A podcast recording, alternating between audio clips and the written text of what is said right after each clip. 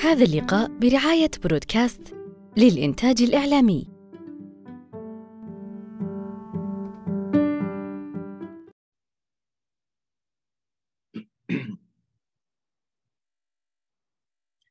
بسم الله الرحمن الرحيم أهلا وسهلا بكم أصدقاء ضاد في اللقاء رقم 165 من لقاءات صالون ضاد الثقافي. أنا وليد العميل وهذا هو مكاننا المعتاد صالون ضاد الثقافي وتوقيتنا المعتاد كل يوم أربعاء الساعة التاسعة مساء. نحن في صالون ضاد نطل عليكم بعنوان ثقافي أو بكتاب يتم الإعلان عنه مسبقا من خلال آه، حسابات صالون ضاد التي ستظهر أمامكم بعد قليل. لتصلكم إعلاناتنا ومحتوانا الثقافي تابعونا من خلال حسابات صالون ضاد.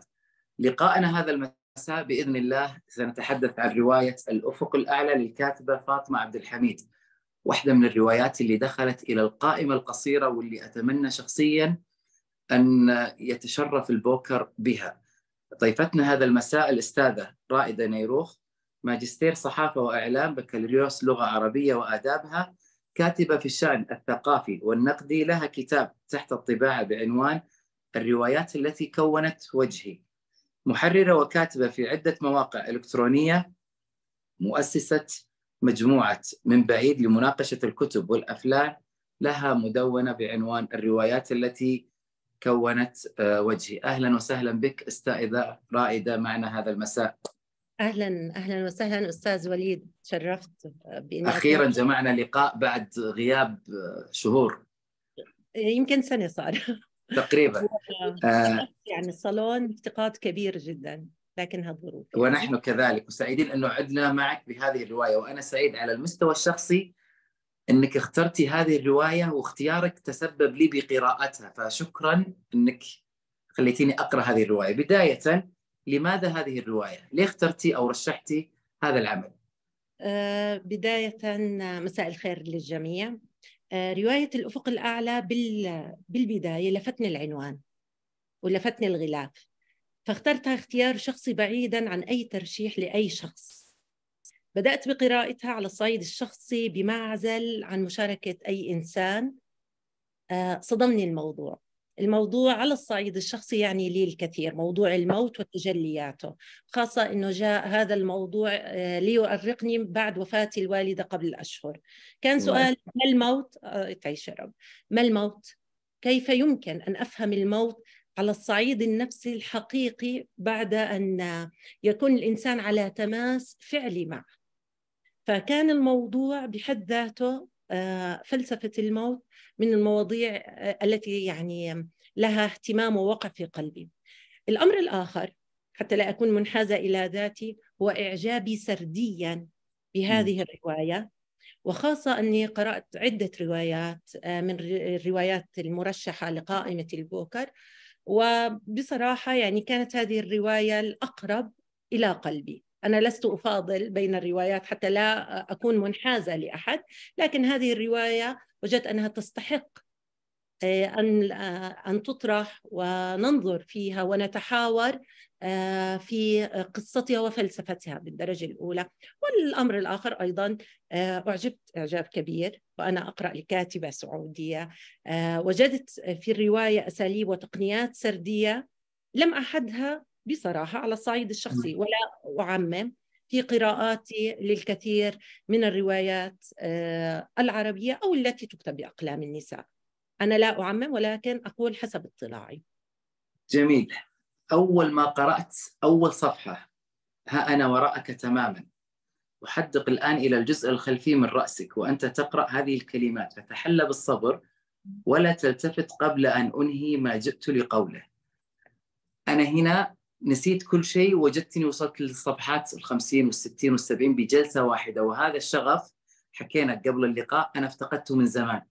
ما وجدت كتاب أو رواية بما أني أحب أقرأ روايات كثير ما وجدت رواية.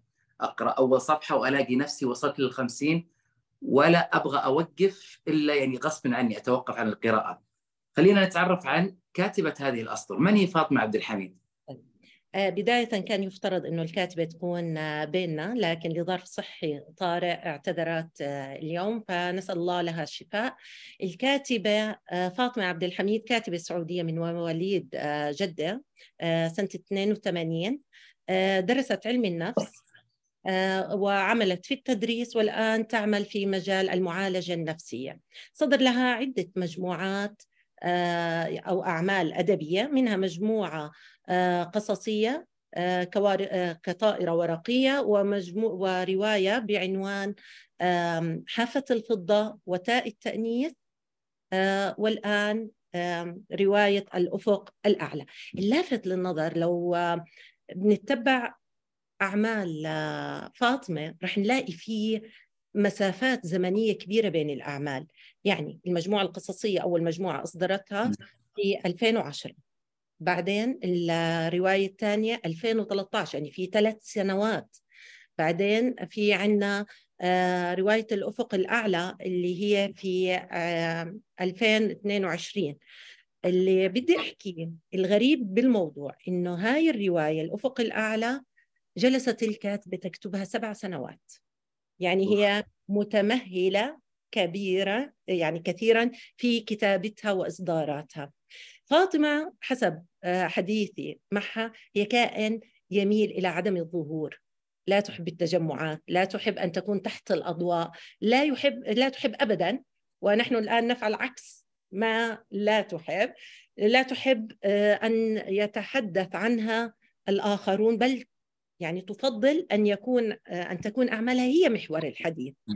فتقول هذا عملي إليكم بين أيديكم فإن شئتم فتحدثوا عنه يعني بالدرجة الأولى. تصف نفسها بأنها كائن نهاري بامتياز. تلتقط كل شيء وتتأمل فيه في عزلتها فهي قد استعاضت عن الكتب عن الأصدقاء والمعارف والأطفال بعالم القراءة والكتابة والسباحة وهي أيضا مدربة سباحة. آه، فاطمة تقول أنها آه، تخزن كل ما تراه في ذاكرتها. ثم تبدأ بكتابة مشاهد حوارات تأملات تغوص مع الشخصيات التي تريد أن يعني بنائها وتكتبها على الورق أو تكتبها يعني على جهازها. آه، ومن ثم تعود إليها في عملية الكتابة، المهم ما يهمنا في فاطمة أن فاطمة لا تستعجل في عملها. آه، تكتب على مراحل. وبعض الأعمال آه، يعني هناك خمس مسودات وتقول أنها ما تحذفه الذي تحذفه أكثر مما تبقي عليه وتعمل بمعزل عن عن الجو. هي هي تحب أن تكون وحدها بالدرجة الأولى يعني وأعمالها. آه، حسب أحد التصريحات لها تقول أنها الآن بصدد كتابة عمل روائي ينحى منحى آه، واقعي تاريخي. بعيدا عن الفانتازيا وهناك نقطة سأتحدث عن أسلوب فاطمة ولكن عندما نبدأ بالحديث عن العنوان والراوي لأنه هذا شيء أساسي يعني في أسلوبها وهي تحاول أن تبتعد عنه في عملها القادم إن شاء الله. جميل. كلامك آه، آه، عن عن فاطمة واقعي فعلا لأنه وأنا أقرأ العمل فعلا حسيت إنه هذا الكاتب قاعد يعني الكا... هذا الكاتب من نوعية الكتاب اللي يحترم عقل القارئ. يعني واضح فعلا إنه العمل متعوب عليه وإنه في مسودات وإنه تكتب وتمسح كثير لأنه يعني كاتب من أول صفحة إلى 200 وحاجة و20 صفحة وما تبغى تترك الأوراق ومستمتع أنت في القراءه هذا مو حشو رواية بس ابى أوصل لل 200 علشان تكون من الحجم المتوسط. خلينا نبدأ بالنبذه عن الرواية بدون نحرق آه، أحداثها لأنه أنا أعرف إنه من ضمن الحضور أصدقاء ما قرأوا وأنا وعدتهم إنه ما نحرق العمل. خلينا نبدأ من الاسم ومن ومن الغلاف وشكل الغلاف والغيمة والنافذه اللي موجودة في هذا الجسد. تفضل. آه لو إنه يضل صورة الغلاف موجودة لأني حابة إنه برضه فايزة إذا في مجال تظهر آه، صورة لل... للرواية على الشاشة أفضل. الأفق الأعلى. آه الأعلى. وهل هو ملك الموت اللي يروي أو علشان ما ندخل في جدل نقول الموت؟ خلينا نيجي نحكي نبدأ بالعنوان وهنيجي آه. على الغلاف آه، كلمة الأفق بتعطي معنى الاتساع. أوكي؟ هناك اتساع فسحة مجال لا متناهي. لكن هذا المجال اللا متناهي هو أعلى. وكلمة الأعلى هي صيغة اسم تفضيل. هو ليس عالي وإنما أعلى. كلمة الأعلى تفترض أن هذا الأفق هذا الاتساع الذي يحيط بكم أيها البشر هو أعلى منكم معرفة وعلما بحياتكم. يعني آه، وهو طبعا هو رمز هنا للموت وهناك سبب لأن لأن الكاتبة يعني استخدمت هذه الرمزية للموت. الموت هنا يجلس في عليائه ويرقب أهل الأرض. والأعلى تفترض نوع من السلطة. في آه، أحد اقتباسات الرواية يقول بما معنى أنه هو الموت الذي لا يتطلب استئذانا ويأتي فجأة ولا يمكن لك أن تقاطعه. إذ ما جاء الموت فهو الأعلى هو الذي يفرض رؤيته وحكمه القاطع والنهائي. إذا الراوي هنا آه، يمتلك شيء من السلطة. بررت له الكاتبة أن يكون راويا عليما. بصراحة الراوي العليم بالنسبة لي على الصعيد الشخصي آه، غير محبب لأنه يفترض يسلب حقي كقارئة أن أؤول وأفسر وأن أبرر يعني أتساءل من أين له أن يعرف هذا أو أن يحلل آه، نفسية تلك. لكن كأن الكاتبة هنا أرادت أن تعطينا انطباعا بأن هذا الشخص أو هذا الراوي يمتلك سلطة حتى نستمع له حتى نفهم أن معلوماته أو تحليلاته لها ما يبررها. فهذه أحد آه، التفسيرات. إذا أردنا أن نتأمل الغلاف الغلاف لشخص لا يمكن تبيان جنسه هل هو ذكر أم أنثى؟ صح؟ صحيح صحيح. آه، الشخص هذا بلا وجه لا يوجد له ملامح لا يوجد له وجه. ونحن نعرف أن الوجه هو علامة أهم علامة سيميائية لتمييز إنسان عن آخر. وما يجعل منك هويتك أيضا هو وجهك. طيب ما علاقة هذا الوجه بما آه، الذي ليس له ملامح بشخصيات الرواية؟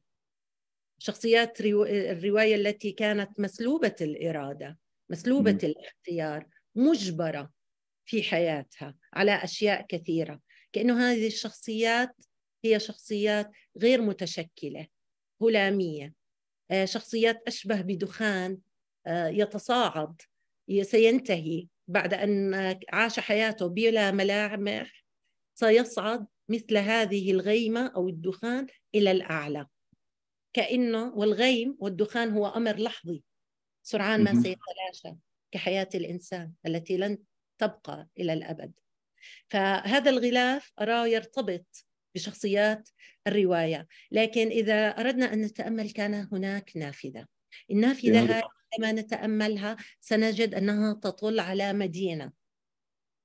بيوت ممكن أن نربطها بأحداث الرواية عندما كان آه، سليمان يجلس ويتحدث مع آه، آه، جارته سمر وممكن أن نقول آه صحيح. الحياة ال- التي توجد في داخلنا ونود أن نعيشها ولكن توجد بعض القيود والحواجز التي تمنع قلبنا من أن يغوص في داخل هذه الحياة لأن النافذة هنا إذا أردنا أن ندقق النظر فيها حماية أو نوع من الحواجز أيضا كأن هناك ما يمنعنا عن الحياة. فهذا تفسيري للغلاف جميل. وفعلا ما ذكرتي أتفق معك تماما. وحتى النافذة هي اللي كانت بين سليمان وبين آه سمر. الآن لماذا الموت؟ يعني ليش كل هذه الأحداث ال- ال- الموت هو اللي يرويها؟ آه، حكينا إنه الموت آه، هو يمتلك آه، هنا سلطة لأنه لا يمكن فهم الحياة إلا بفهم الموت. ولا يمكن فهم الموت إلا بفهم الحياة. الموت كأنه يريد أن يعيد تعريف الحياة من خلال النقيض. يعني لتفهم الحياة يجب أن ترى الميت. لأنه لحظة الموت هي اللحظة النهائية في حياة الكائن الحي. ما بين الموت والحياة توجد مسيرة الإنسان التي يحكمها الزمن. فالزمن هو يعني مشكلة الإنسان الكبرى. كما قال ويليام فوكنر الزمن نكبتنا الأولى. فالإنسان في صراع ما بينه وما بين الموت ما بين عفوا ما بينه وبين الزمن ليصل إلى هذا الموت. حتى يصل إلى هذا الموت يريد أن يفهم كيف يعيش. هنا الموت في كل تفصيلة وفي كل قصة فرعية رواها كأنه أراد أن يعرف لنا ما الذي ينقص حياة فلان. فلان ينقصه الحب فهو ميت بشكل أو بآخر. فلان ينقصه الثقة. في بداية أو في آه، إحدى الاقتباسات للرواية يقول الموت هناك أسباب عديدة للموت وكالموت حبا وغربة ووحدة. وكل موت دوني مطالب بتقديم أسبابه. فالموت هون الراوي يريد أن يأتي ويحلل ويفسر لماذا هؤلاء ليسوا على قيد الحياة. القصص التي يرويها في كل قصة من قصص الرواية هو يعطينا شكل من أشكال الموت. فمن خلال الموت مثل دائرة اليونغ واليان نهاية الشر هي بداية للخير. نهاية الخير قد تكون أو التطرف في الخير قد يكون بداية للشر. نهاية الحياة هي بداية الموت. بداية الموت هي قد تكون لحياة آه، أخرى. فالموت هو ينظر لنا ما معنى الحياة بالدرجة الأولى. فكانت هذه يعني السلطة التي أراد أن يفرضها علينا الموت أن يقدم لنا آه، تعريفا للحياة التي لا نعيشها ويريد أن يعطينا درسا أخلاقيا. وهو فعلا أو أعطانا درسا من خلال الأستاذة فاطمة. وقلت لك قبل اللقاء كتب كثيرة أقرأ عنها وعن الموت وعن عن هي وصلتها برواية. صح. يعني آه، نبيلة اللي كانت في منطقة وفجأة وقعت والموزة والموية. المباراة اللي اللي سلبت من سليمان و يعني ما كمل المباراة إلا في, في الأخير وانتهى. هي هذه حياتنا. ففاطمة فعلا وصلت لي أنا على المستوى الشخصي رسالة أنه هو قاعد يدور حوالينا وحيجيك الدور. صحيح. هناك فكرة أخرى وهي يعني في أو مش فكرة واحدة هما فكرتين. آه، فكرة للفيلسوف هيدجر عندما يقول إنه لحظة ولادتنا هي الخطوة الأولى نحو الموت. وهذا ما ورد أيضا على لسان الراوي الموت. إن إن منذ أن تخطو يعني خطواتك الأولى على هذه الخليقة فأنت تسير نحوي. هناك فكرة أخرى آه، وردت على لسان الموت آه، وهي آه، فكرة بأن هذه الحياة هي قصتك فعليك أن تعيشها لترويها بما يستحق لأنها مرة واحدة. ولن تتكرر وهذه الفكرة هي فكرة آه، كونديرية بامتياز بالنسبة إلى ميلان كونديرا الذي يقول مرة واحدة لا تحتسب مرة واحدة هي أبدا. ما الذي تساويه الحياة؟ إن كان التمرين الأول على الحياة هو الحياة نفسها. مرة واحدة هي أبدا. أمامك آه، فرصة واحدة. سليمان أمامك فرصة واحدة. ضيعتها. نبيلة كان أمامك فرصة واحدة وضيعتها آه، أمجد قصي باسم كلهم ضيعوا فرص في حياتهم فعاشوا الموت أثناء الحياة. آه، فهذه الأفكار آه، العميقة حاولت أن يعني أن توظف لها قصصا لتعبر عنها. فلذلك جاء الموت راويا للأحداث. فعلا العبارة اللي ذكرتيها كانت في آخر صفحة. ستجدني يوما ما أنتظرك أمام الباب الخلفي لأعيدك إلى باطن الأرض التي تمشي فوقها. فكل خطوة تخطوها ستكون دائما باتجاهي وهذه هي الحقيقة. مهما بالغت في الحذر أو الخوف لذلك عليك أن تتعجل في سير يشبه القفز. عليك أن تضع حبكة مثيرة لقصتك. نفس الكلام اللي ذكرتيه كان فعلا هو اقتباس على لسان ملك الموت وهذه هي الحقيقة. إحنا نسير باتجاهه. مهما حاولنا الهروب منه أو في يعني إحنا قاعدين نحاول الهروب منه ونهتم في كل شيء يحط فينا وفي صحتنا وف... لكن إحنا فعليا قاعد قاعدين نسير باتجاه. طيب آه نتكلم عن الشخصيات. طيب. آه، الشخصيات ولا نقدم نبذة قصير يعني بسيطة عن الرواية حتى المستمع. يعني يكون في الصورة. الرواية تتحدث آه، عن طفل في بدايته آه، في عمر الثالثة عشر تقرر أمه حمدة التي مات عنها زوجين أن تزوجه لفتاة. طبعا بطبيعة الحال آه، هو طفل وصغير جدا أي أنه زواج آه، قصر. هذه المرة لم نتحدث عن زواج القاصرات من النساء بل القاصرين من الرجال أو الذكور. آه، يتزوج بسيدة اسمها نبيلة تكبره بعشر سنوات. هي في الثالثة والعشرين من العمر وسبب زواجها من سليمان لأن حمدة قالت لها أنا وتتلمس وهي تتلمس الوحمة الكبيرة التي تغطي خدها يعني لن يكون لك نصيب في عالم الرجال وأنت بشكلك هذا. طبعا هنا نقد للقيم المجتمعية التي تقيم المرأة على حسب شكلها وهيئتها. يتزوج آه، سليمان من ابن من امرأة تكبره عمرا آه، لا يعيش طفولته يبقى يعاني من آه، من أمه التي آه، تأتي به من الملعب وتقول له افعل ما يفعله الرجال مع نسائهن وهو لا يدرك ما المطلوب منه. هو هي أرادته أن يكون امتدادا لنسلها ولذكراها. وهذه الفكرة ضرورة جدا ضروري جدا أن نسلط الضوء عليها فكرة السعي نحو الخلود وهو حلم الإنسان أو ترك أثر يدل على وجوده العابر اللحظي في هذه الحياة. يتزوج آه، سليمان يعيش حياة مضطربة فهو لا يفهم لماذا تزوج بمثل هذه بهذا العمر الباكر. آه، ينجب آه، أربعة آه، عفوا ثلاثة من الأبناء. ثم يتزوج كل ولد من أولاده. باسم يتزوج منال قصي يتزوج أسماء. عفوا أمجد لا يتزوج. كان يميل إلى أن يخالف في مظهره. مظاهر الرجال. يعني كان لا يجد آه، آه، يعني أي عيب من أن يرتدي مثلا سوار أو يرتدي ملابس وردية. وكأنها تريد أن تقول أن هذا الولد يعني لا يخضع للمقاييس المجتمعية الذكورية التي تحدد ما على الرجال أن يفعلوا المهم في هذه الأحداث تموت نبيلة فجأة وهي تتريض في الممشى نبيلة الإنسان التي كانت حريصة جدا على صحتها تتبع نظاما غذائيا ثم فجأة ينتهي بها المطاف آه، بين يدي الموت وتطلب من الموت أن يمهل سليمان آه، أحد عشر سنة أو عشر سنوات على ما أذكر. عشر سنوات وهو مقدار الفارق العمري بينها وبين سليمان. عاشت تعاني من عقدة أنها أكبر من زوجها. وعاش وهو يعاني من عقدة أنه لم يشعر أنه رجل مع هذه المرأة.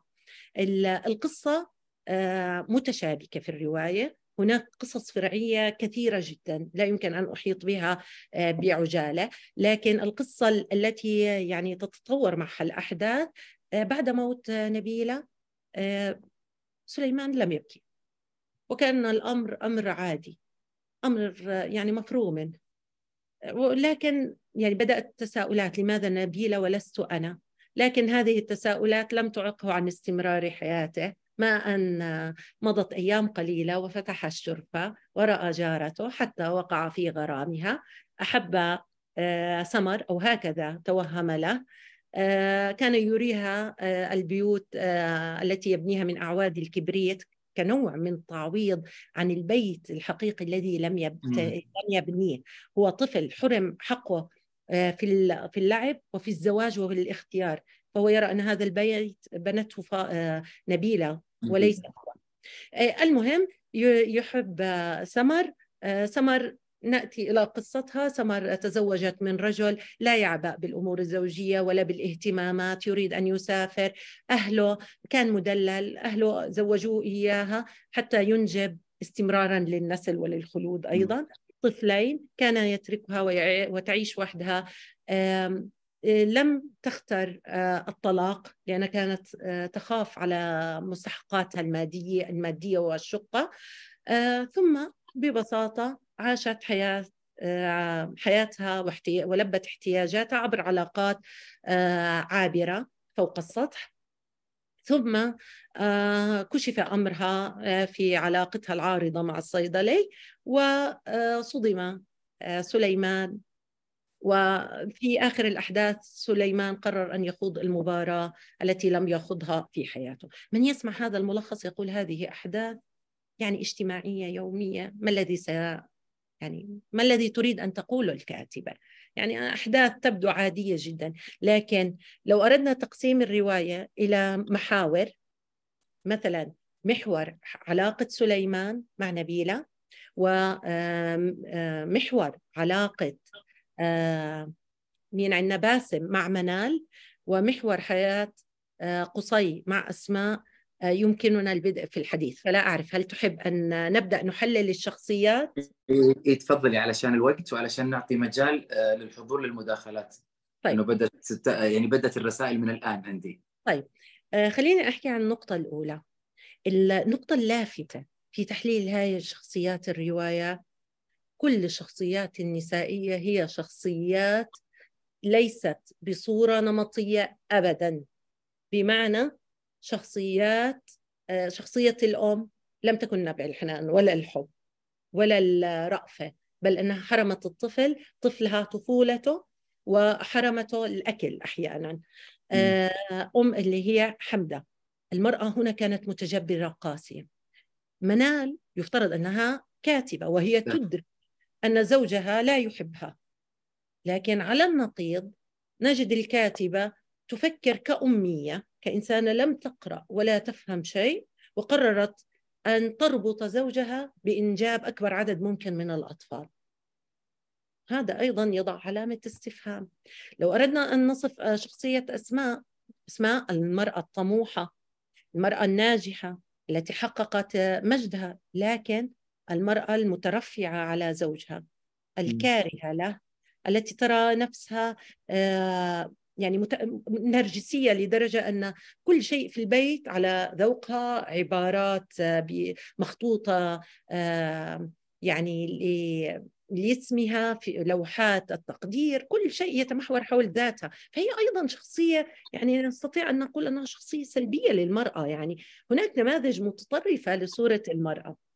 آه هذا يقودني لسؤال أحمد في نفس السياق. أحمد يسأل يقول ما قصة تكرار فكرة المرأة الطاغية أو المرأة الأوعى في الرواية؟ طيب ممتاز. وفي عندنا آه، سمر. سمر آه، المرأة اللعوب آه، المرأة التي كانت تستغل ضعفها لتظهر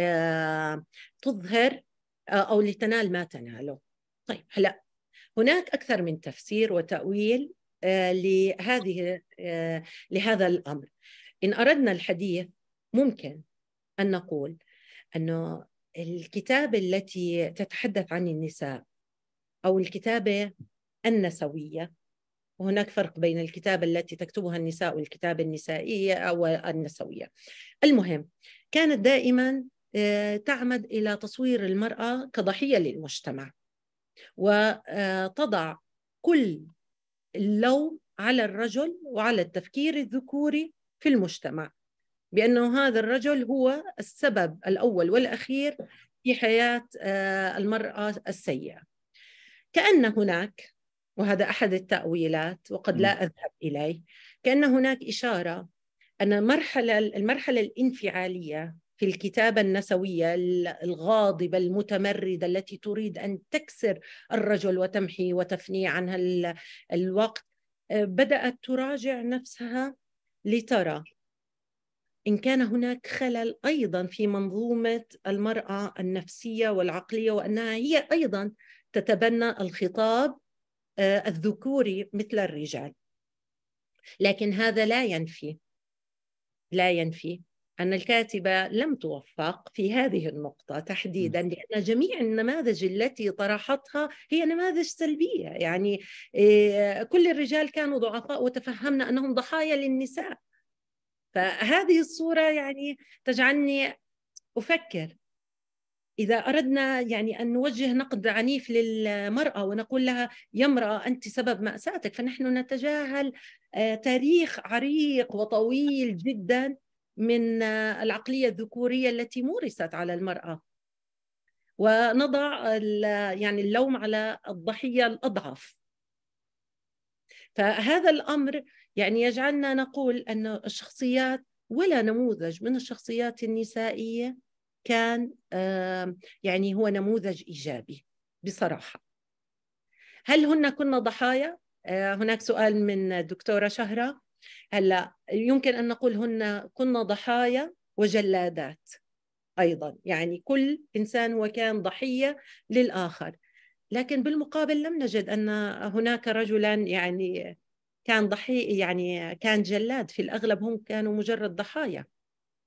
فأنا أرى أنه لو كان هناك بعض التوازن في طرح النماذج النسائية لاعتبرنا ذلك أنه نوع من الثورة على الصورة النمطية للمرأة التي تأتي دائما بأنها امرأة ضعيفة منكسرة.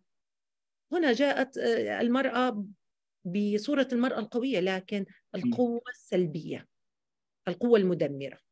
هذا ما أراه طبعا هناك آراء عديدة سنستمع إليها إن شاء الله حين المناقشة. وجمال الرواية في هذه النقطة أنها تدعك آه، في حيرة من أمرك. أنا لي رأي عن آه، صورة النساء وسيكون مثلا لنسرين أو دكتورة شهرة أو غيرهم من القراء آراء مختلفة. الرواية التي تنجح في هذا الأمر في جعلنا مختلفين معناها أنها لم تكن رواية تقريرية تقدم لك كل شيء بصيغة التقرير وتمنعك من التفكير والتحليل. فهذه نقطة. يعني أرجو أن يتسع قلب الكاتبة لها آه، في نقدنا لها.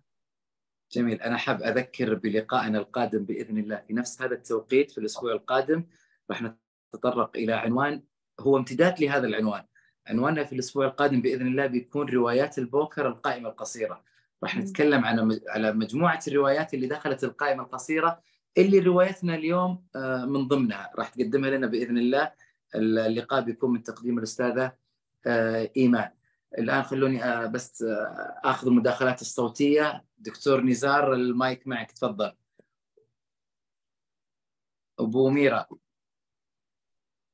مساء الخير. أبو خالد كل عام وأنتم بخير وشكرا أستاذة رائدة. دائما حقيقة ما تحفنا ب يعني اختياراتها المميزة. وحضورنا الكريم أهلا وسهلا بكم في فضاء ضاد الفسيح بعد المطاردة الهاتفية بيني وبينك أبو خالد حقيقة يعني تعرف إنه أرسلت لك ليلا الرسالة قلت لك عمل جميل يعني وقبل كل شيء يعني وأنت تعرف إنه ما يعني لا نزكي عملا وأنا واحد من الناس ما أزكي عمل إلا أكون مقتنع تماما إنه هذا العمل يستحق القراءة. يعني بالنظر إلى خط سير الكاتبه فاطمة عبد الحميد اللي نمسي عليها بكل خير يعني أنا قرأت لها تاء النسوة.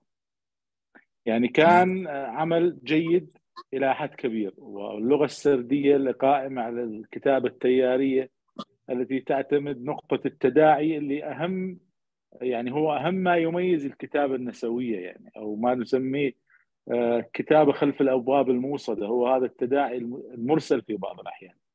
كانت فاطمة في تاء النسوة جيدة جيدة إلى حد كبير لكن مع الأفق الاعلى طريقة اختيار الموضوع، طريقة طرق الموضوع، لا نريد أن نحرق الرواية على المستمعين بس ولكن يعني آه، أنا والله من أول ما أمسكت بالرواية أحسست إنه أنت أمام لغة سردية مختلفة. ها أنا وراء وراءك تماما.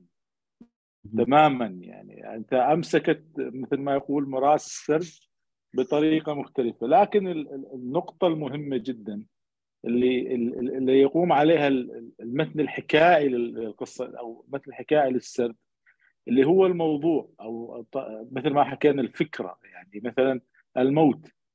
يعني محمود درويش يقول الموت يعشق فجأة مثلي والموت مثلي لا يحب الانتظار. هذا الذي يطالعك من أفق أعلى ويتحكم بمصيرك ما بين الولادة والفناء. فاطمة عبد الحميد اختارت نقطة مهمة جدا ألا وهي الطفولة. هذا هذه الطفولة كل عمل لا يقوم لا يتذكر الطفولة أو لا يستوحي الحياة الأولى للطفل وذكرياته القائمة على اللاشعور البعيد تدخل في في في خلل في بعض الأحيان. لكن مثل ما حكينا ما أريد انه ما أريد نحرق الرواية القارئ لكن هناك اقتباسات جميلة جدا. يعني مثلا نعم أنا أسوأ مخاوفك. مخاوفك وأنا كاتم سر سر زيارتي المباغتة لك. وهذا ما لن يحب كل ما لن يحبه كل من يهتم بأمرك. ولتعلم فحسب أنه لا فرق بين أن تولي أن تولي وجهك شطر الحائط. يعني شوف الصورة اللي جعلتك أمام الحائط أو خلفه سيأتيك سيأتيك. أن تولي وجهك شطر الحائط لحظة وصولي أو أن تولي له ظهرك. ففي كلتا الحالتين لن تستطيع مني إفلاتا لأنني سأكون حينها أضخم نفوذ يستولي عليك. اللي المهم جدا أبو خالد وحكينا فيه كثيرا مستخلص السرد. يعني أنت عندما تبدأ بسرد حكاية أو باستخدام تقنية سردية مثل ما حكينا التداعي المطلق في بعض الأحيان قفلة الخروج من السرد هي أهم ما يتميز به الروائي الحاذق يعني. وفاطمة عبد الحميد للأمانة أجادت هذا الموضوع. يعني هذا آخر آخر يعني آخر ما ما ما سأعلق به لكي أفسح المجال لغيري عفوا. عندما استعملت يعني مثل الحكاية الشعبية البسيطة سليمان يهرب من بيت العرسان. يعني هذه الفكاهة البسيطة التي كان الصبيه يتواطؤون مع أمه لعودته إلى منزله يعني. حينما فشل في في في أن في أن يمارس هوايته عدا كرة القدم هي بناء البيوت من اعواد الكبريت. هذه البيوت البسيطة التي يحلم أي طفل أو أي شاب في أن يكونها عودا عودا يعني. هاي الأسقاط العميقة جدا.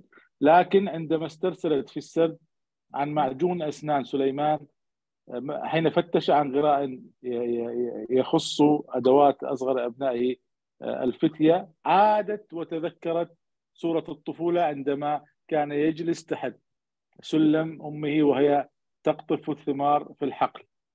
تقول تسلل إلى ذهنه صوته الطفولي وهو يبكي تحت سلم خشبي يختفي نصفه العلوي في قلب شجرة التفاح وكانت أمه تقف على ذلك السلم وهي تقطف التفاحات وترمي بها على الأرض. أما هو فقد كان يطارد حركة يدها لا تخطئ ما تسقط في سلته. يعني شوف الأسقاط العميق اختارت ثمرة التفاح. يعني هذا يعني كما قلنا يعني فنون الكتابة السرديه بدأت تتطور وأنا من كل قلبي أتمنى أن تحصل هذه الرواية على جائزة البوكر. بعد أن قرأت العمل السابق اللي زك يعني اللي أعطيتني إياه أبو خالد. اللي ما أتمنى إنه يصل لا لطويله ولا لقصيرة. مساءكم سعيد وعذرا عن الإطالة وشكرا أستاذ رائدة مرة أخرى. آه شكرا. أستاذ وليد ممكن آه تعليق على هذه النقطة فيما إيه يخص آه, آه فيما يخص اللعبة السردية. قلنا إنه آه هناك آه أكثر من حكاية في الرواية. طريقة كتابة الرواية كانت تعتمد على التشظي الزماني بمعنى لا يوجد خط زماني مستقيم للأحداث. الأحداث كانت تبتدئ مثلا من لحظة الموت عندما يتحدث لحظة الزواج ننتقل بعد ذلك إلى مرحلة طفولة سليمان. نعود إلى حدث قصة ليس لها أي علاقة بالرواية وهذا كان انتقاد بعض القراء. البعض قال أن هناك قصص محشوة حشوا في الرواية لكن هذه الرواية تشبه الأحجية. كيف الأحجية التي تتكون من عدة قطع أو مجسمات ويجب حتى تكتمل الصورة أو اللوحة أن نلصقها يعني قرب بعضها حتى نفهم. بالنسبة لي وجدت إنه كل قصة وردت بمعزل عن الرواية الخط الأساسي للأحداث اللي هو سليمان وأولاده كان لها علاقة لتخبرنا عن معنى الموت أو صورة من صور الموت، واسمح لي أن أذكر قصة واحدة وسادع المجال لباقي المداخلات، قصة المرأة التي كانت حاملا في شهرها الأخير في آخر التاسع وسمعت بأن والدها قد توفي. فذهبت وجلست بقربه فمدت امتدت يد الجنين في أعماق ظلمة الرحم لتلاصق بياض الكفن. كأن الكاتبة تريد أن تقول لنا أن الموت والحياة هما متلاصقان. يعني خط الموت والحياة هما أمران متداخلان متشابكان. لا يمكن إدراكه إدراك أحدهم بمعزل عن الآخر. آه، قصة موت الفتاة الخائفة التي ماتت موتا سريريا وكان سبب موتها إحياء عشر آه، مرضى مصابين آه، يعني كانوا بحاجة إلى الأعضاء وكأن الموت ليس آه، له هذه الصورة السيئة كأنها أرادت أن تحسن أو تقرب إلينا صورة الموت، الموت المبغوض أو المكروه آه، جعلته يخاطبنا بأسلوب لا يخلو من السخرية، حس التهكم، الموت له فوائد كما حاول خوسيه سيرماغو عفوا سيرماغو في رواية انقطاعات الموت. أن يقول لنا ماذا لو انقطع الموت ستكون هناك أضرار كثيرة. فالكاتبة كأنها حاولت أن تعيد تشكيل وتقديم الموت عبر هذه القصص الفرعية التي يعتبرها البعض بأنها ليس لها معنى وحشو زائد. لكن مع بعض يعني التدقيق والتأمل سنجد وظيفتها.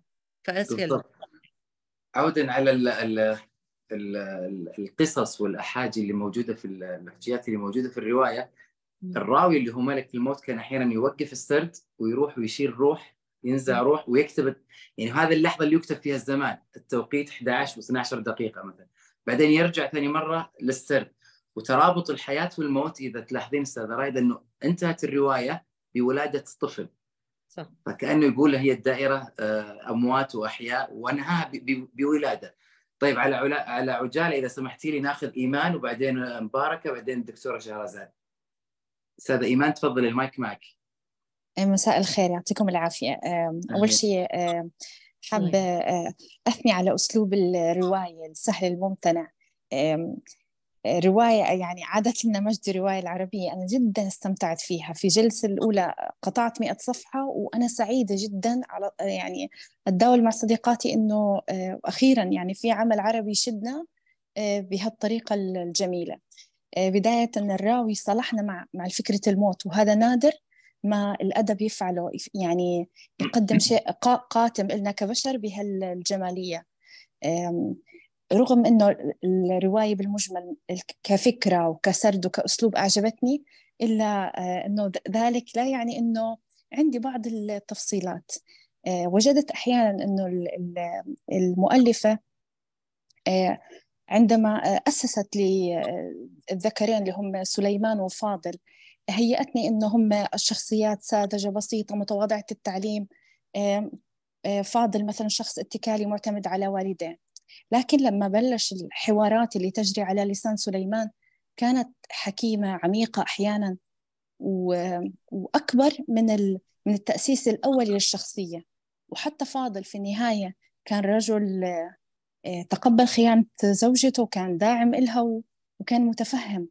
وهو خلاف ما ما يعني بدأ بدأ يعني أو قدمت له الرواية.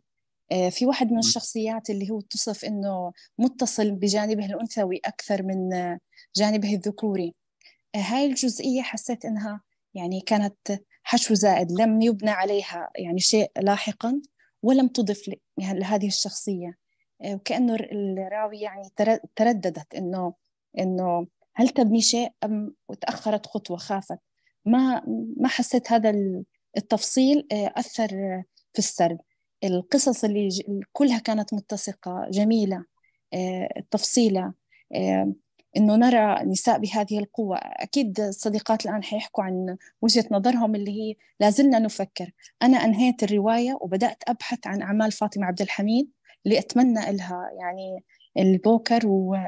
وهي من الأسماء التي سأظل أبحث عنها وعن إنتاجاتها الأدبية. أتمنى لها التوفيق. شكرا لكم. شكرا لك أستاذة آه، إيمان. آه، أستاذة مباركة. المايك معك تفضلي.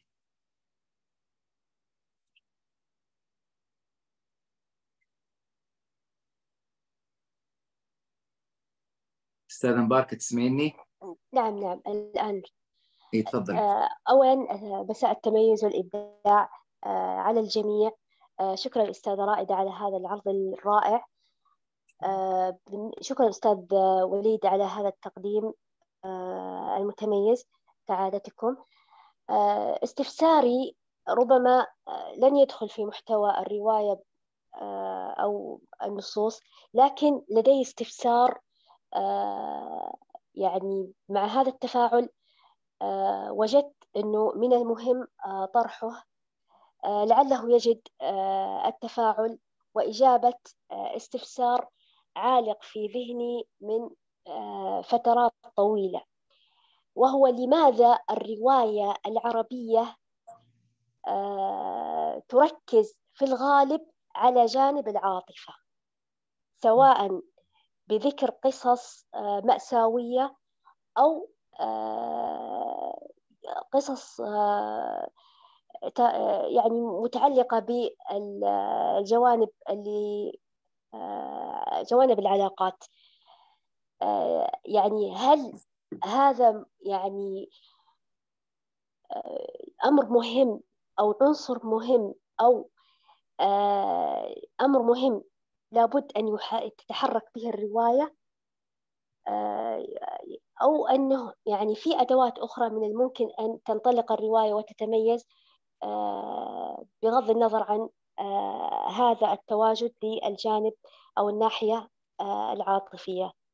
بمعنى أنه هل هذا عنصر مهم؟ يعني هل لا لن تتحرك الرواية أو تجد أصداء أو تستمر وتتتابع أحداثها إلا بهذه الجوانب يعني بالتركيز على الجانب العاطفي أو يعني الجانب اللي هو جانب العلاقات أو بإمكاننا أن ننطلق كالرواية الأجن... كالرواية بعض الروايات الأجنبية التي وصلت إلينا.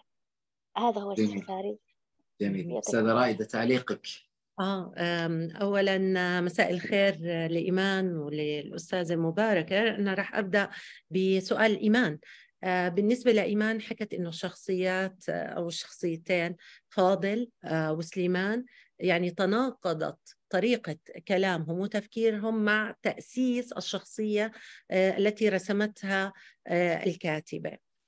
بالنسبة لفاضل لو أنا بدي أجي أحلل شخصيته هو لا يعنى بالمرأة فيما يبدو. يعني فيما يبدو أنه لا يهتم بالعلاقة مع المرأة فهو يعني لا يميل إلى المرأة إطلاقا لذلك تجاهل وهو بالأساس هو متجاهل لزوجته سمر يعني هو لا لا يربطه بينها شيء ابدا وهناك من يتحدث عن مرض نفسي يعاني منه ومختل فتسامحه أو غفرانه أو تجاهله هو ليس مئة بالمئة مما كان. وهو اختار قال في الرواية أنه آه، يبقى الأمر مجرد تواصل آه، أو أقوال. فاني هو قد آه، يعني سبق في عملية لو أردنا أن نقول الخيانة أو البرود تجاه الزوجة. يعني لو كانت امرأته تعني لها له شيء لما تركها وجرى في أسفاره. فأنا أرى أنه يعني أمر يعني في نوع من المنطقية. طبعا هذه وجهة نظري لا أعرف آه، إلى أي درجة قد تكون صحيحة. بالنسبة لسليمان سليمان صحيح أنه تزوج صغيرا لكن نحن لا لا نعرف إن أكمل تعليمه أم لا. هو عمل في آه، في التلفاز يكتشف المواهب ويقدمها وكان يقول إنه هذا فلان أعرفه وأنا الذي قدمته في برنامج المواهب. يبقى سليمان هو مش شخصية قليلة. اللي بده يكتشف موهبة بده يكون عنده بعد نظر. فهذا الأمر آه، غير يعني أرى ليس متناقضا. آه، بالنسبة لشخصية سليمان هو لم يكن حكيم متزن مئة بالمئة في طريقة آه، كلامه. لو يعني بنتذكر حواراته مع سمر كان أهوج يقول كل شيء يندفع كالسهم لا يتوقف. وكانت هي يعني وهذا السبب اللي جعل سمر تحب آه، سليمان. فهي وجدت فيه إنه شخصية مش ليست مثل آدم آه، يعني النرجسي المتصنع. طبعا سمر يعني يجب أن نتحدث عنها فيما يبدو أن قلبها بستان هي لم تكن تحب أحد. هي آه، إنسانة تتنقل وسرعان ما تنسى. هي شخصية لم أحبها بصراحة. اتعاطف أحيانا معها لكن هي كانت سلبية كان فيها أن تختار طريقة أخرى لحياتها لكن هي اختارت أمر آخر. بالنسبة لسؤال الأستاذة مباركة أنا معها. هناك ولكن بدون أن نعمم هناك كثير الكثير من الأعمال العربية التي يستسهل بعضهم مفهوم الرواية ويرى أن كل حكاية يمتلكها هي عبارة عن رواية والرواية ليست مجرد حكاية. هي تكنيك أسلوب قضية محورية لتعالجها. البعض لرغبته للحكاية يجد أن المشاعر والأحاسيس والعواطف هذا أحب فلانة وهي أحبت موضوع بحد ذاته للطرح. هلا كل موضوع كل موضوع مشروع لأن يكون موضوعا روائيا إن كان هناك فكرة يريد أن يعالجها. من خلال هذه العلاقة من خلال تقديم صورة الحب أو الكره أو إلى أو الخيانة. فليس العيب في أننا نتناول موضوع الحب أو العلاقات في الرواية العربية لكن هو موضوع استسهال أو عدم وضوح معنى الرواية. فليس العيب. هناك روايات عالمية موضوعها الحب والعلاقات. أن كرنينة في أصلها ماذا؟ تتحدث عن خيانة زوجة آه، مدام بوفاري وتعد من الروايات المهمة أيضا تتحدث عن العلاقات وزوجة آه، ديستوفيسكي في روايته الأبلة بناها على علاقة آه، محبة أيضا ل إحدى النساء الأمير الأبلة ميشيكان عندما أحب أنستازيا لكن هذا الحب ليس يعني لم يقدم فقط أحبها وأحبته وانتهت الحياة وإنما تقدم نظرة الكاتب للحياة وللإنسان من خلال هذه العلاقات. فالمشكلة ليست في طرح العلاقات بل في فهم بعض الكتاب ولا أعمم العرب آه، لمفهوم الرواية. جميل. دكتورة شهرزاد تفضلي المايك معك أستاذتنا.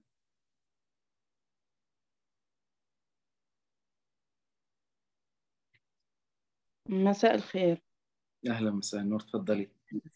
آه، أولا تحية طيبة للجميع وأشكر كالعادة رائدة على هذه الاختيارات الصائبة. وأشكر أيضا آه، صديقتان آه، يعني رائدة وهيفا اللتان كان لهما مبادرة إطلاعنا على قراءتهم لهذه الرواية وهذا ما دفعني لقراءتها عند أول وهلة. يعني أنا عندما قرأت هذه الرواية تشكل لدي تصور وهو أنها آه، كتبت بوعي محلل نفسي يجيد آه، نسج الحكاية لا مجرد تفكيكها أو تأويلها.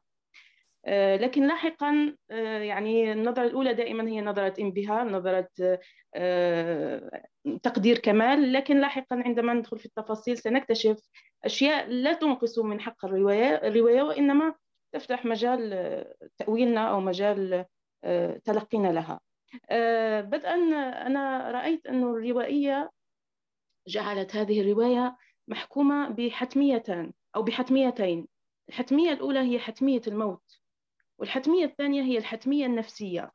وأعتقد أن الموضوعان آه، لهما من الأهمية الشأن الكثير فيما يتعلق بالسرد الروائي العربي. أولا ما يتعلق بالموت نجد أنها من ناحية أنسنت الموت وأبعدته عن الصورة النمطية التراجيدية المأساوية التي عادة ما ترتبط في أذهاننا. ومن ناحية أخرى أبقت عليه كائنا متعاليا. بمعنى أنه دائما كائن مفارق. لا يمكن أن يعني نطمئن له بشكل مطلق. ومن ناحية أخرى آه، مسألة الحتمية النفسية آه، أراها يعني مركزية في موضوع محدد وهو إبراز صدمات الطفولة فيما يتعلق بدرجة آه، كبرى أو بدرجة أكبر فيما يتعلق بالطفل الذكر. لأنه من البداية نجد أنه آه، يعني آه، التيمة أو الموضوع الذي اشتغلت عليه هو هو حرمان الطفل سليمان أو اجتثاثه من طفولته وتداعيات ذلك لاحقا سواء على تكوينه النفسي حيث نجد أنه على مسار الرواية لم يغادر سن الطفولة يعني عمره النفسي هو طفل. آه، رغم أنه صار أب وكذا وشيخ ولا أدري ماذا. المسألة الأخرى هي تداعيات ذلك على مسار شخصيته أو مسار حياته وعلى أبنائه لاحقا. وأرى هنا أن الروائية لم تترك شيئا في الرواية آه، يعني عرضة للصدفة حتى في اختيار الأبناء. اختارت ثلاث أبناء. قد يقول قائل لماذا؟ أولا من خلال تجربة باسم عالجت أزمة الطفل البكر عندما تكون شخصية الأب شخصية مشوهة إن صح القول. آه، لهذا نجد أنه يعاني من فقر عاطفي أو جوع عاطفي وهكذا. يبحث عن آه، إغناء هذا الجوع بأي شكل من الأشكال. آه، وفق نموذج مختلف عن الزوجة وعن الأم. الابن الثاني اللي هو أمجد أعتقد أزمة الطفل الوسط أو الأوسط الذي يعاني دائما بأنه غير مرئي من ناحية كما أنه يرفض أن يماثل نموذج الأب. والابن الأصغر العاجز عن إبداء أي سلطة أمام الأنثى المتفوقة التي تماثل إلى حد بعيد صورة الأم وصورة الجدة. إذا نلاحظ دائما أنه آه هذا التوليفة أو هذا الحكي يخدم منظورا جاهزا هو أقرب إلى منظور المحلل النفسي وأعتقد هنا أنه آه شخصية الروائية واقعيا آه كانت حاضرة وإن بشكل متوارن عبر قناع. عادة ما يكون الراوي العليم لكنها هنا أجادت في أنها جعلته آه، هذا الراوي المختلف اللي هو الموت. مسألة أخرى أردت أن أشير إليها هي أن كل شخصيات الرواية هي شخصيات غير سوية نفسيا. ربما هنا ثغرة أخرى. آه، يعني تمنيت لو أن هناك شخصية تعدل الكفة في يعني محطة من المحطات. لكن ما يحسب لها في هذا الشأن أيضا أنه نلاحظ أنه في نهاية الرواية كأنه هناك علاقة مختلفة أو علاقة سوية بدأ الاشتغال عليها وبدأت تنشأ بين سمر وبين قصي أعتقد الابن ابن سليمان. هذه العلاقة ليست علاقة لا هي علاقة غرامية مشوهة أو لا هي علاقة تعويض الأم إنما علاقة رعاية عبر الحكي. وهنا نلاحظ كأنه هذا الدور م. الذي يشتغل عليه المحلل النفسي. آه نعم. صحيح. آه فقط جزئية أخرى اللي لم أحبها يعني لم أتقبلها في الرواية وهي أحيانا تنفلت على لسان الموت بعض التأويلات لما جرى أو لمسارات الشخصيات. هنا يعني صوت الموت صار هو صوت المحلل النفسي وكأنه كشفت آه، الكاتبة عن نفسها وصادرت حق المتلقي في تأويل هذا المعطيات. لكن بشكل عام آه، من ناحية الموضوع والطرح والمعالجة يعني لغة ونسجا آه، إلى حد بعيد يعني عجبتني الرواية ومجالها أيضا له أهمية لا يعني على صعيد الفنيات وعلى صعيد قيمة الموضوعات أيضا يعني أنه دخول موضوع أو أنسنة موضوع الموت ومعالجة مسائل نفسية في قلب الرواية. وهذا يعني يبشر بالكثير وما أتمناه أنا شخصيا هو أن أقرأ للروائية في مجال مختلف. وشكرا. جميل شكرا لك أستاذة تفضلي. آه، أول شيء الشكر للدكتورة شهرة على هذه المداخلة الثرية. آه، بالنسبة لقصة الراوي العليم ومتى مدى تماهيه مع شخصية آه، الكاتبة وقناع الموت هي فعلا قالت ذلك. يعني في حديث لها قالت إنها شخصية خجولة ولا تحب أن تظهر فتتوسل في كتاباتها آه، وسيلة للتعبير عما تريد عبر قناع إما في إحدى أعمالها كان مرآة وهذا جزء من الفانتازيا. وفي هذه الرواية كان الموت. ووعدت بأن يعني تمتلك آه، يعني قدرة على الظهور أكثر. وأن تتحدث صراحة هي وليس من وراء آه، قناع. فهذا بالنسبة للراوي العليم. بس آه، بالنسبة للشخصيات أعتقد أنه شخصية أمجد هو أصغر الأبناء. وليس يعني الأوسط صحيح؟ وهو كان عنده عقدة التشابه بال يعني الخوف أن يكون شبه والده ضعيف الشخصية بالذات مع اتهامه بأنه هو له مظهر آه، يبدو يعني جندريا لا يتوافق مع المعايير المجتمعية هو أميل كانه أرادت أن تقول لنا أنه أميل للجانب الأنثوي. آه، يمكن هناك محاذير جعلت من أو دفعت بالكاتبة آه، وهذا يعني جواب على سؤال إيمان. يعني لم تأخذ الكاتبة أنا هكذا أتوهم بسبب المحاذير الأخلاقية الدينية المجتمعية يعني بأن توظفها بشكل واضح لشخصية أمجد الشخصية التي تميل إلى الجانب الأنثوي وترفض أن تكون صورة عن والدها الضعيف فلذا فقامت بعمليات تجميل. آه هذه النقطة الأخيرة اللي ذكرتيها لي ذكرها لي آه، دكتور نزار. أبو ميرا إذا تتذكر ذكر لي أنه المايك معك أبو ميرا. وأنا أقرأ الرواية أحس أنه فاطمة يعني بدها تحكي بس مكبلة. أبو ميرا المايك آه، بس آخذ من دور الأخت أهود كاتبتنا الجميلة. يعني أستاذة رائدة حكيتي عن نقطة مهمة جدا.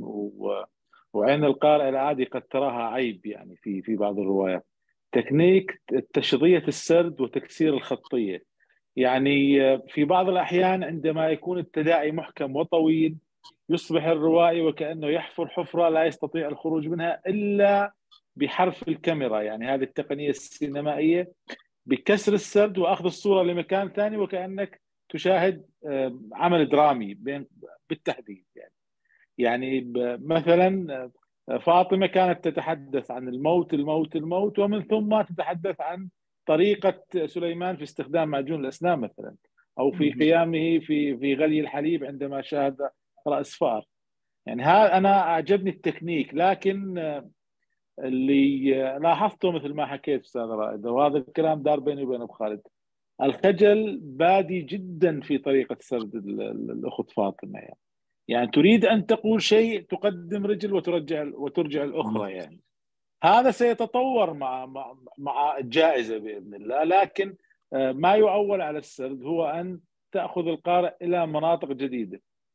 استخدام استخدام يعني بثواني قليلة.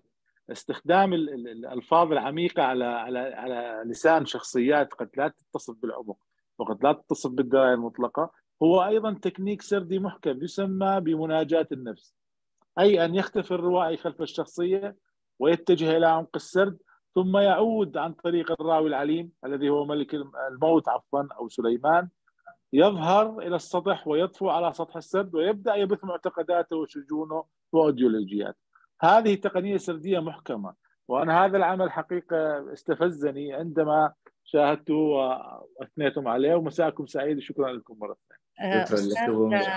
بس في ملاحظة يعني أنا آسفة ورح نترك المجال آه، بالنسبة لتقنية التشظي وتفرع الحكايات هي من أصعب التقنيات في الكتابة لأنه ممكن يقع الكاتب تحت شهوة السرد والحكي يعني تراه مجرد حكاء يأتي بالقصص بلا رابط ولا يوجد خيط ناظم لهذه القصص. وكثير من الروايات العربية للأسف التي اطلعت عليها مؤخرا وبعضها كان مرشح للبوكر آه، تشبه حال إنسان موجود في مقهى ويبدأ بسرد قصص.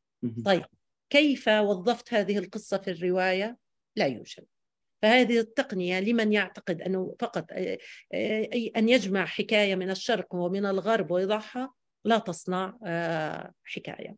وشغلة الزمن اللي أشار إلها صديقي رونيار لا أعرف إن كان سيشارك معنا أم لا قال إنه الزمن الوحيد اللي كان دقيق جدا في الرواية هو زمن الموت. باقي الأزمان وباقي الأعمار ليست يعني هلامية.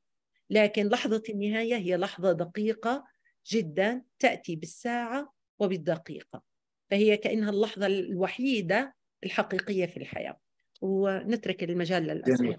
أستاذة الكاتبة عهود عبد الكريم حياك الله معنا. نورتنا اليوم. تفضل المايك معك. آه، السلام عليكم وأسعد الله مساءكم.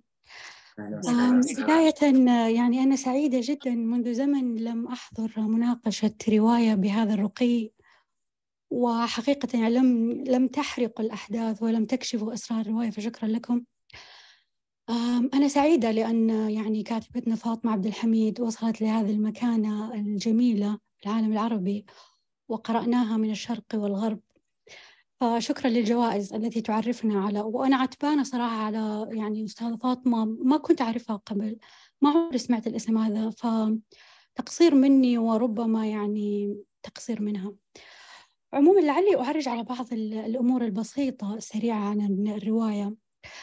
يعني أجمل ما في الرواية أن أنها أحدثت صرخة في داخلي بعض الصفحات يعني ارتعش يعني جلدي قشعر. فكرت أنه يوم من الأيام سيكتب تاريخ زمن الوفاة لي ولمن حولي. وهذا الزمن مثل ما تفضلت أستاذة رندا هو هو الزمن الرائدة هو الزمن الوحيد الحقيقي أو الثابت في الرواية. آه الصفحات خاصة من 55 ل 58 هذه صفحات كتبت يعني بطريقة مؤثرة جدا جدا جدا ومؤلمة. أعجبني الاحتشام في, في الرواية. يعني لا يوجد آه، معاني أو كلمات خادشة. حتى في مسألة يعني زواج هذا القاصر إن صح التعبير وهو رجل يعني آه، في صفحات كان فيها احتشام وأعجبتني جدا. أعجبني تشبيه في غرفة أعتقد في غرفة المستشفى آه، تصف ضوء تصف الضوء من تحت الباب. يعني لطالما أزعجني هذا الضوء يعني مثلا آه، اسمحوا لي أتكلم بالعام يعني لما يكون في غرفة كذا ظلام ويجي النور من تحت الباب بس ما ما ما قد يعني قرأته في أي فهي بتقول آه، وكانت الغرفة باردة لا تضيئها في ذلك الوقت من الليل إلا أضواء الشوارع ومسطرة ضوء بعرض 80 سنتيمتر تطل باستحياء من تحت الباب. يعني أعجبني هذا التعبير وتسليط الضوء على هذه التفصيلة الصغيرة. أتوقع هذا مثل برضو استخدمته العين مغرفة الكلام. وجميل هذا المعنى يعني استخدام كلمة مغرفة والعين.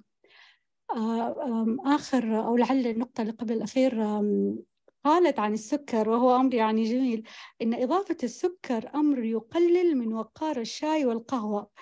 وهذا يعني أنا أمر أؤمن به جدا جدا.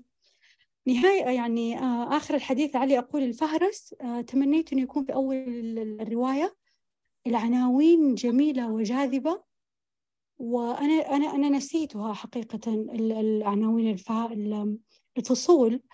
ولكن يعني استرجعتها في آخر الرواية فكانت جميلة وملفتة.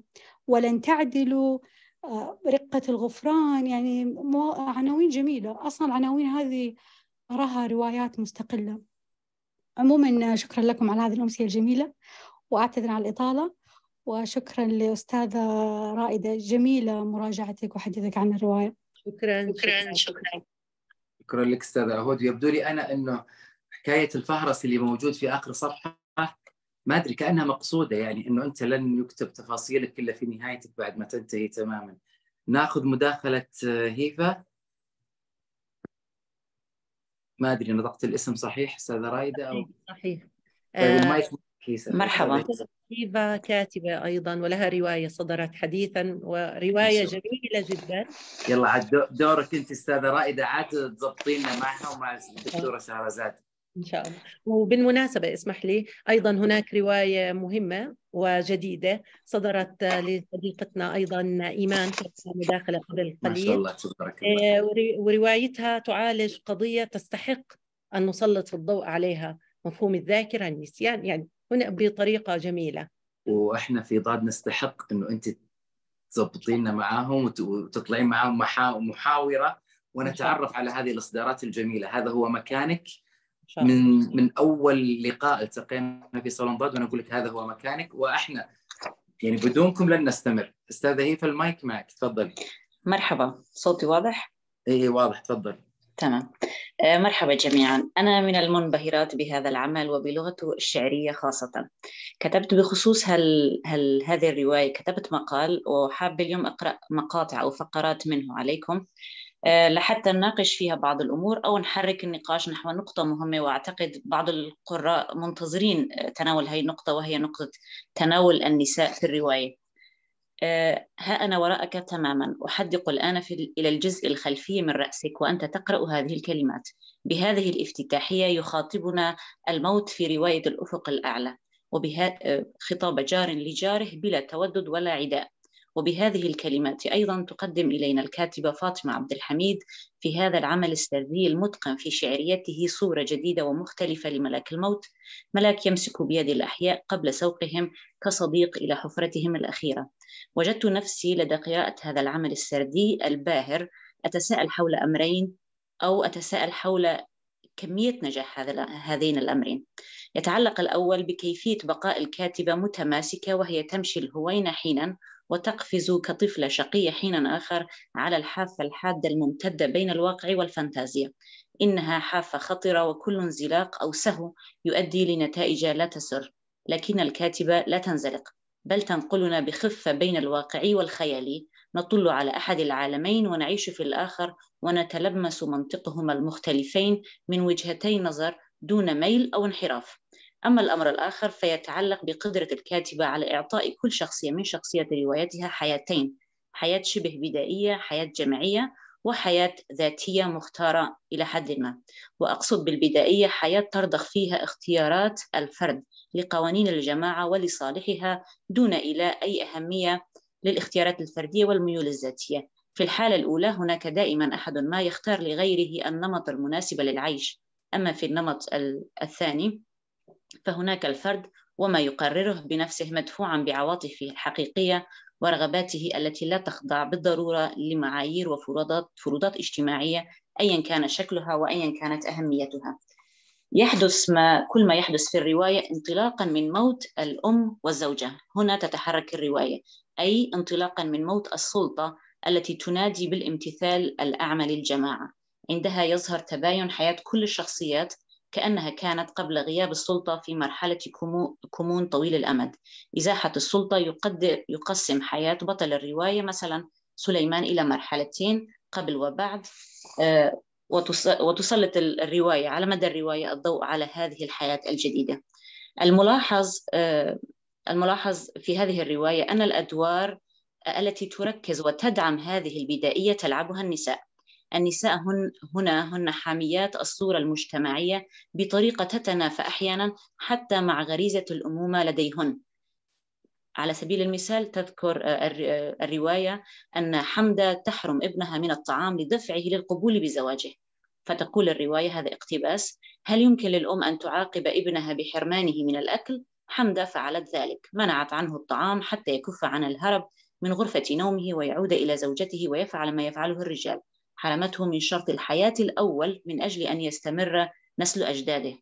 هذه الصورة الأخيرة برأيي ليست غريبة عن الواقع وإن بدت غير مطروقة كفاية في الأدب. أقصد أن الصورة هي سببت لنا صدمة مع أنها موجودة في الواقع. نحن نعرف أن هناك دائما مساومات وشركات وتحالفات تديرها النساء على على هذه المستويات على هذه المستويات فلنقل العاطفية أو العائلية. في المجتمعات حصرا التي ترى نفسها كامتدادات لا كأفراد وتهتم بالصورة العامة لكينونتها بشكل مفرط يعني تهتم بصورة الجماعة. هنا يصبح الحبل السري الذي لا يقطع إلا رمزيا عند ولادة الطفل حبل تبعية يربطه بأصل الشجرة تحت تهديد مستمر بقطع الإمداد عنه في حال تمرده على التبعية. وهكذا فلا شيء من الصور النمطية المثالية للأمهات ستجدها في هذه الرواية بل صور واقعية أنا أجدها واقعة إلى حد ما رغم المبالغات. يتحول فيها صوت صوت النداء الحنون للأمهات لصراخ يقطع على الأبناء لذة وهذا اقتباس رائع من الرواية لذة اللعبة والزمن والمتعة والأنفاس. أخيرا أود أن أضيف أن السرد ينتقم هنا بطريقته الخاصة من التبعية بالتهكم اللذيذ الذي يرافق أشد مواضيع الرواية حساسية بقلب الطاولة على التبعية الأمومية من خلال استعادة سليمان لطفولته وهو في الخمسين كما ينتقم السرد من سلطة الأم حمدة رمزيا بنسفها من جسم الحكاية. كل ما يرد عن عن الأم نجده مذكورا بعد موتها أو فلنقل بعد أن تكون قد قضت حياتها. من جسم الحكاية وإلحاق كنتها بها وبالسخرية من فعلها التسلطي بفعل الشيخوخة أولا وبالموت ثانيا. آه، هذا اقتباس صغير خاصة بعد أن أصبحت أمه مسالمة جدا ولم تعد قادرة على إدخال أصابعها إلا في عيون المقص. أخيرا هذه الرواية أنا أجدها نابضة بالحياة في لغتها وحبكتها ومرونة سردها والبناء النفسي المتماسك لشخوصها طبعا سيكون هناك اختلاف كبير حول تناول النساء ولكن كما قالت رائدة قبل قليل هذا يجعل آه، الرواية غنية لا يفقرها إذا كنا في في آراء متناقضة إلى حد ما. شكرا. شكرا لك أستاذة هبة تعليق أستاذة رائدة قبل أقول آه، فكرة آه آه إحنا عشان الوقت يعني. آه بالنسبة للفكرة اللي حكتها آه هيفا أو أوردتها اللي هو تقاطع الفانتازي مع الواقعي. آه، هي فكرة يعني جميلة جدا. استطاعت الكاتبة نوعا ما آه، الموازنة بين الأمرين. آه، لم ننجر إلى الخيال بالمطلق ولم نقع في براثن الواقع أيضا بشكل يحرمنا متعة الخيال. فكرة السلطة والتبعية. لكن أنا كان لومي أنه هو السلطة جاءت فقط بمنظور أنها السلطة الأمومية كأننا نعيش في مجتمع أمومي ماترياركي المرأة هي الحاكمة الأولى والأخيرة في الحياة. ف يعني كنت أود آه، أن تكون هناك صورة لامرأة اختارت أو رجل اختار. كل شخصيات الرواية ولا شخصية لها قدرة على الاختيار تشبه آه، غلاف الرواية شخصيات بلا ملامح شخصيات مسلوبة الإرادة تخضع كما آه، قال آه، الزميل رونيار في مقاله إلى الأفق العام وليس الأفق الأعلى. الأفق العام بمعنى النظام الجمعي الذي يقود الأفراد. أنا حابة نسمع مداخلة حفصة حتى يعني نترك المجال جميل. لحديثها إذا إذا موجودة بس ترفع يدها آه، يكون ترفع يدها عشان نعطيها المايك فقط. في سؤال ورد أستاذة رائدة في صندوق المحادثات من العنود. نعم. ماذا ماذا ستفعل؟ هذه الرواية لقارئ نزل الموت في ساحته مؤخرا؟ والله هي ستفعل ما فعلته بي. يعني هي تجر هي ستبقي سؤال الموت حيا في داخلك آه، لا يزول وتدفعك لتفهم معنى حياتك بالدرجة الأولى. وتبحث عن يعني معنى آه، لهذه الحياة ولتسائل نفسك هل غايتنا للخلود هي غاية مشروعة كما فعلت حمدة أو كما فعلت أم فاضل؟ أليس في سعينا للخلود أو تخليد الآخر؟ آه، نوع من إنكار للموت وإنكار لمحدودية قدراتنا. آه، هي يعني تجعل الإنسان مدرك لوجوده المؤقت في هذه الحياة. عليه أن يقتنص آه، أشد ما يمكن آه، من أيام عمره. يقتنص أكثر ما يمكن من لحظات السعادة لأنه كل دقيقة هي تنهي من عداد أيامنا ونقترب من الموت أكثر. ف يعني تصبح. يعني يصبح الإنسان أكثر نضجا في انتقاء علاقاته في انتقاء ما يثير من الأمور يثير غضبه أو يثير شهيته للحياة. يصبح مدركا لذاته أكثر تقييما لذاته يعني في هذا لكن لا شيء لكن لا شيء يغني ولا شيء سيخفف عن واقع الموت الحقيقي الفيزيائي لمن نحب. سؤال آخر بعد ورد في صندوق المحادثات من الكاتبة أو الأستاذة فاطمة المولد تسأل عن آه، تقنية الراوي العليم. آه، طريقة السرد في تقنية في الراوي العليم اللي وردت في الرواية. هذه التقنية ما رأيك أنت باستخدامها في كتابة الروايات؟ على صعيد شخصي. يعني وهي آراء تختلف. لا أحبها. لكن في هذه الرواية أحببتها, أحببتها. لأنه هناك مبرر لماذا هذا الشخص عليم ولم يمنع آه، يعني علمه أو وصفه آه، الشخصيات بأن تتحدث بما يتناسب مع الصورة التي رسمها رسمتها الكاتبة. لكن أنا أيضا مع الدكتورة شهرة فيما ذهبت إليه. آه، الموت أحيانا جلس يفسر ويحلل ويلعب دور المعالج النفسي أو المحلل النفسي وهو الدور يعني الذي كشف فاطمة ووظيفتها الحقيقية. يعني أد قد ما يستطيع الإنسان أن يختبئ لابد أن يظهر. فمثلا عندما يقول أو تكون سمر هي تعويض عن الطفولة المسلوبة أو تكون أو يكون باسم سافر إلى تركيا بحثا عن الحب الذي بصراحة هنا يعني لا أحب الرواية التي تكشف عن نفسها. لا تدع لي يعني إذا كانت كل الرواية هكذا. لكن هذا المقطع يعني نتسامح معه لأنه مقطع واحد آه، فقط. أما لو كان كل الرواية الكاتب العليم يبدأ ويتحدث لي عن كل شيء ماذا أبقيت لي؟ كقارئ سلبتني. وطبعا البعض يحبها. لكن أنا نأخذ مداخلة الأستاذة حفصة بشكل سريع. أستاذة حفصة تفضلي المايك معك. مساء الخير. صوتي مسموع؟ مسموع حفصة نعم. آه، أنا بالأول يعني آه، نشكركم على هذا الطرح وعلى هذه الرواية وهذا الاقتراح أيضا. أنا أوقفني يعني أكثر شيء هو سؤالكم عن آه، يعني صورة النساء البعيدة كل البعد عن النساء حد ذاتهم يعني. فإذا لاحظنا أيضا حتى صورة الرجال كانت بعيدة يعني عن صورة الرجال الحقيقية يعني أو صورة الرجال التي مفترض أن تكون صورة رجالية. فأنا ممكن حسيت أنه الكاتبة كانت آه، تحط أنه هي حاطة صورة رجال يعني مش يمثلوا الرجال وحاطة صورة نساء مش يمثلوا النساء وعلى أنها تنتقد النظام الذكوري. النظام الذكوري اللي يعني في أعرافنا أو في مجتمعاتنا العربية سحق يعني إرادة النساء وسحق إرادة الرجال أيضا. هو يخدم الصورة ولا يخدم يعني لا, لا هذا الصالح ولا هذا الصالح. يعني ضاع الصالح الشخصي سواء للنساء أو للرجال بين خدمة هذا الصورة فقط. والصورة التي المجتمع يريدها يعني كلنا نحقق فقط صورة مجتمع هو الذي يريدها يعني. ممكن هذه فكرة في السؤال اللي كنت تطرحوا فيه عن صورة النساء والرجال.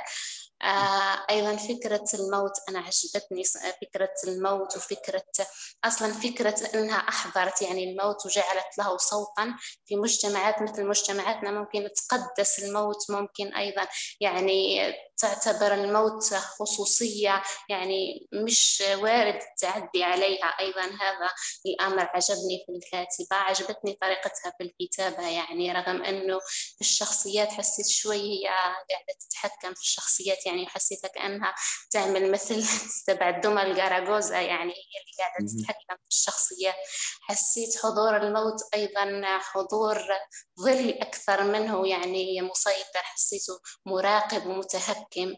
آه عجبتني النهاية أيضا الصراحة عجبتني جدا النهاية لأنه النهاية حسيتها دعوة للحياة أكثر منها دعوة للموت دعوة للتحرر.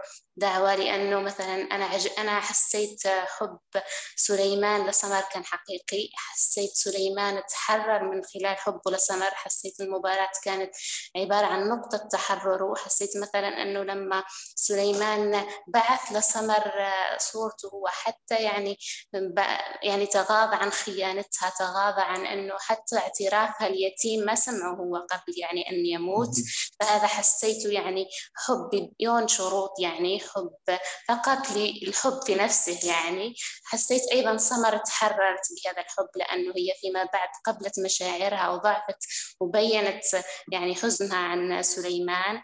حسيت أيضا في تحرر بنوع آخر مثلا بعيد عن الحب تحرر بالغضب والألم من طرف قصي مثلا وعلاقته مع زوجته لأن هو أيضا تحرر من شخص آخر مش شايفه أصلا يعني. فقصي أسماء كانت مش شايفته أصلا فهو من خلال هذاك الألم ومن خلال يعني ممكن تحرر بهذه الطريقة من العنف والألم. ممكن هذه الأفكار اللي خطرت لي يعني في الرواية ولا أطيل عليكم. شكرا جدا شكرا شكرا حفصة. لكن يعني حاولت أن تبرر آه، لماذا يعني جاءت النساء بهذه الصورة؟ لكن أنا أقول يعني لا يوجد نموذج واحد كانت المرأة فيه يعني إيجابية وهذا يعني يعني الأمر يضع علامة استفهام. لماذا لم تغير النساء آه، قدرهن؟ لماذا لم يغير الرجال قدر آه، قدرهم أقدارهم في في الرواية؟ لماذا لم ينفصل سليمان عن نبيلة؟ لماذا لم تطلب نبيلة الطلاق؟ لماذا آه، لم ينفصل مثلا باسم عن منال؟ لماذا كذا وكذا؟ لكن كل هذه التساؤلات إن أجيب عليها لن تكون لدينا الرواية التي بين أيدينا. فالفكرة يعني يكون سيبقى هناك مجال للاختلاف في تأويلنا لهذه الأمور وهذا لا ينفي كما نقول جمالية الرواية. جميل. بشكل سريع إيمان. أستاذ إيمان تفضل المايك معك. إن شاء الله. آه، بشكركم على اللقاء الماتع اللي الواحد عن جد يعني مستمتع جدا الاستطراد ومداخلات الجميع رائعة. بس عندي جزئية. في حيلة ذكية رائعة ككل متكامل آه، فعلته الكاتبة وهي كأنها أرادت أن ترسل رسالة. آه، تريد أن تذيق الذكور يعني مرارة الكأس. الظلم الذكوري إذا إذا انعكست الآية وأصبح هذا الظلم يأتي من النساء. إحنا بنشوف دائما زواج قاصرات بس ما بنشوف زواج قصر. بنشوف آه، خيانة بالغالب أو هو الشائع مجتمعيا وفي الرواية. خيانة الرجل وليست خيانة المرأة. أعطتنا نماذج خيانة. حتى المرأة اللي متمللة من من من ومش عاجبيت حياتها أسماء.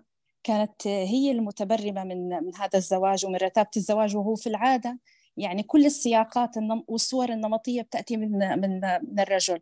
كأنها أرادت أن تسخر من كل الواقع عكسته في مرآة ووضعته في هذا السياق جرعة واحدة وقالت خذوا يا ذكور إليكم يعني تجرعوا مرارة القهر الذكوري. إذا مورس عليكم من قبل النساء وفعلا ومن من لما قرأنا الرواية نحن نتحدث. ونتناقش في كل مجموعة وفي كل لازلت اليوم في في العمل أطرح هذا التساؤل. كيف يعني سنتآتى أو يعني ماذا سنفعل في هذه الحالات؟ هون جمال الرواية يعني ما ما خلفته في أنفسنا من تفاصيل رائعة. أشكركم على اللقاء الثري. شكرا لك. وسامحوني على الإطالة مداخلة إذا سمحتي لي أستاذة رائدة.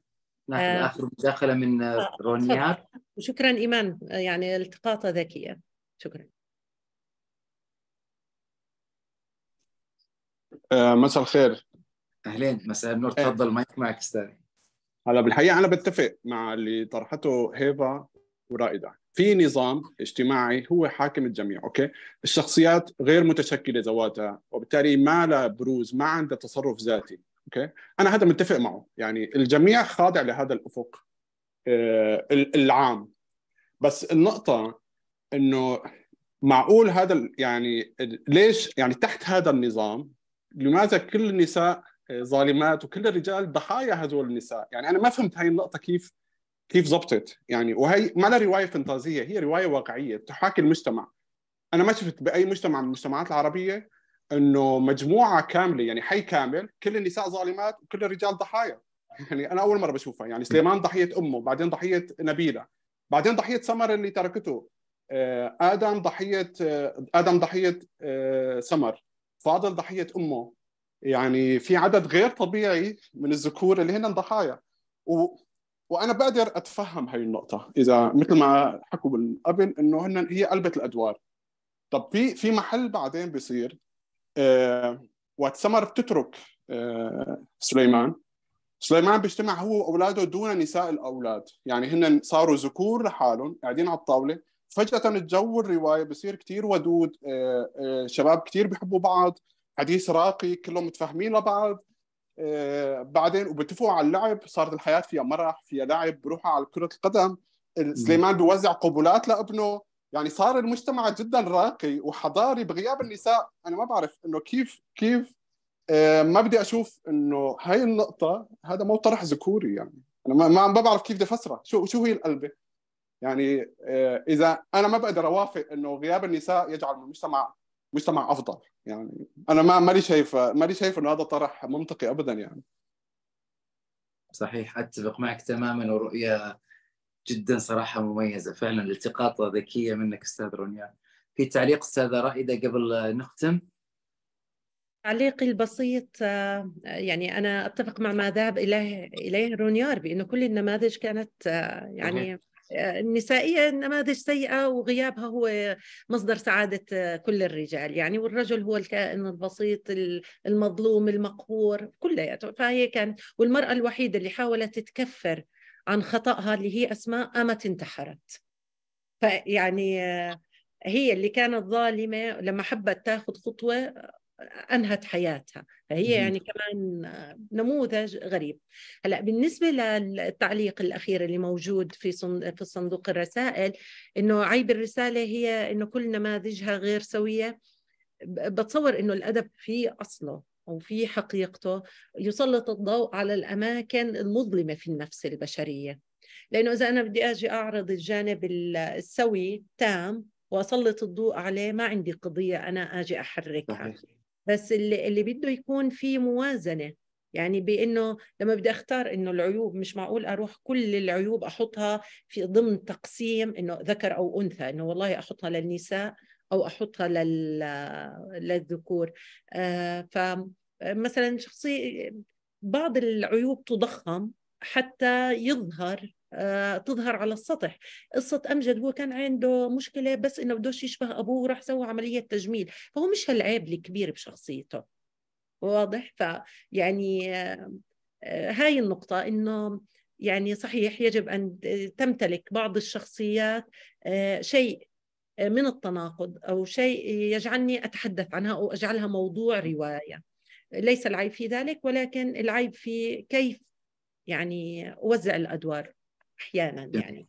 لكن نهاية آه، أود شكر جميع الأخوات والإخوة اللي شاركونا في اللقاء وأثروا اللقاء بمداخلاتهم وأنا شاكرة لكم جدا على الاستضافة وبعتذر على الإطالة. بالعكس إحنا استمتعنا ومر الوقت آه، بسرعة صراحة وهو ضيق الوقت ولا كنا مستمتعين آه، بآرائك أستاذة رائدة وبجميع المداخلات والأصوات اللي آه، استمعنا إليها وأثرت اللقاء. لكن هذه اللقاءات الجميلة دائما الوقت يمر آه، سريعا. آه، بإذن الله لنا لقاءات قادمة. معك أنت تحديدا ومع الأصوات الجميلة اللي ظهرت معنا في هذا المساء. أصدقاء ضاد شكرا لكم شكرا لك أستاذة رائدة على هذا اللقاء الماتع. شكرا لكم أصدقاء ضاد. نراكم بإذن الله في الأسبوع القادم في نفس هذا التوقيت في لقاء روايات البوكر القائمة القصيرة مع أستاذة إيمان. وانقلوا عن الأستاذة رائدة رواية الأفق الأعلى رواية تستحق البوكر. ليلة سعيدة تصبحون على خير. تصبحون على خير. شكرا لكم. شكرا أمان الله.